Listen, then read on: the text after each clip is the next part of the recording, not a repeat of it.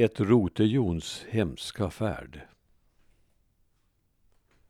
Ja, så är rubriken på en artikel, en berättelse som jag tänkte läsa nu och som var införd i Värmlandsbygden den 23 december 2009.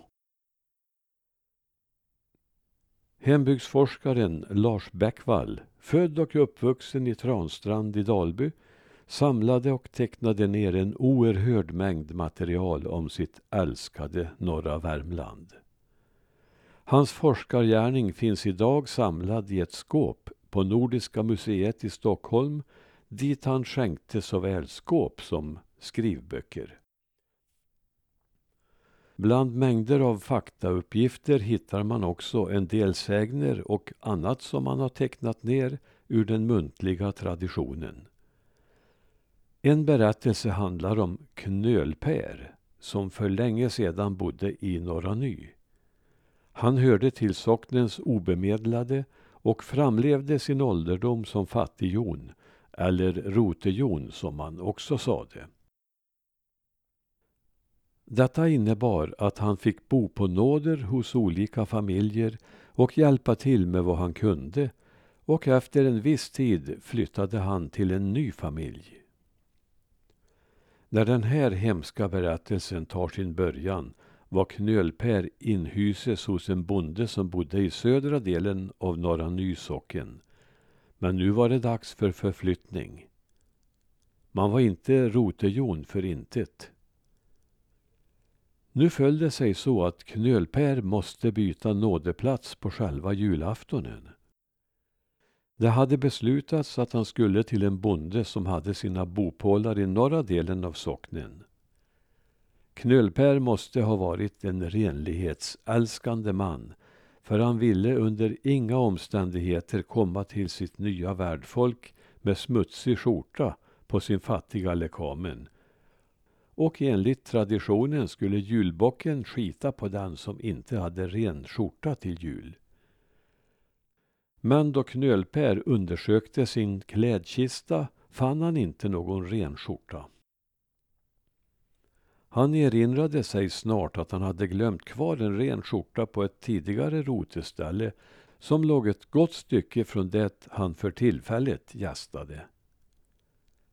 Han blev tillrådd att strunta i skjortan men han beslöt ändå att trotsa kylan och att gå och hämta sin skjorta. Ett tag funderade han på att låna skrinda och häst. Men det blev ändå så att han traskade iväg till fots. Men, tänkte han, om det är så lyckligt att det kommer en hästskjuts får jag väl försöka få åka med. Då han hade kommit ett litet stycke fick han höra bjällerklang. Det var ovanligt vackra toner i de där bjällrorna tyckte han, men på samma gång verkade de skrämmande. Han vände sig om och fick då se att det var en herrkär, en förnäm man, som var ute och åkte. Inte är det värt att jag ber honom om snålskjuts, tänkte Knölper. Men han hade knappt hunnit tänka den tanken ut förrän hästskjutsen stannade. Knölper såg inte riktigt hur karen såg ut där han satt och höll i tömmarna för han var väl ombonad med getskinnspäls.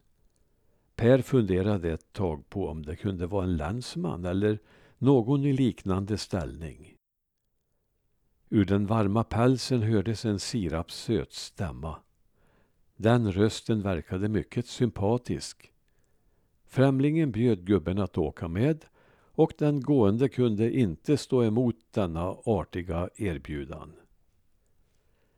Den hästskjuts Knölpär nu fick vara med om på väg efter sin rena skjorta liknade ingen annan resa han hade gjort och maken till häst hade han aldrig skådat.